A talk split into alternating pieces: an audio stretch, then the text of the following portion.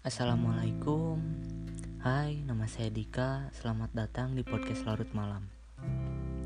Selamat malam, pagi, siang, sore Untuk teman-teman semua.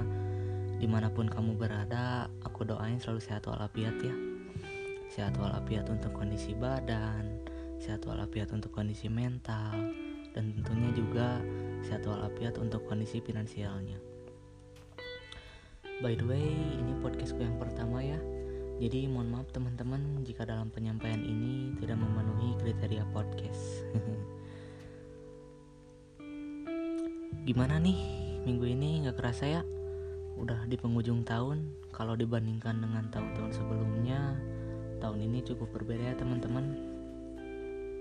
Nah, lewat podcast ini aku pengen berbagi keresahan bareng kalian di situasi seperti ini Ya, kayaknya kamu yang dengerin podcast ini tahulah kenapa aku kasih judul podcast masa-masa sulit di tahun 2020. Seperti judulnya, tahun ini adalah tahun yang paling sulit buat aku.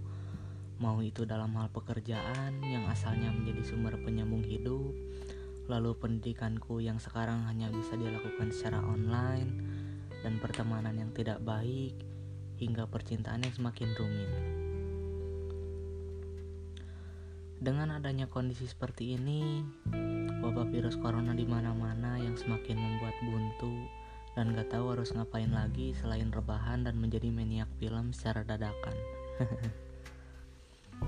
Tapi perlahan aku mulai mencari cara agar seproduktif mungkin selama di rumah sampai akhirnya terpikirkan ide untuk berbisnis yaitu berjualan makanan secara online dan alhamdulillah bisa menghasilkan setidaknya untuk menambah uang saku dan bisa memberi sedikit kepada orang tua dan itu menjadi suatu kepuasan tersendiri bisa sedikit membantu orang tua walaupun tidak sebesar jasa orang tua untuk anaknya.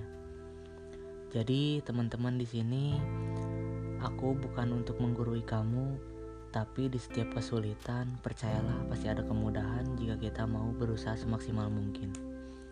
Ya mungkin itu aja yang bisa aku sampaikan di podcast kali ini. So lakukanlah apa yang kamu suka selama itu tidak merugikan orang lain.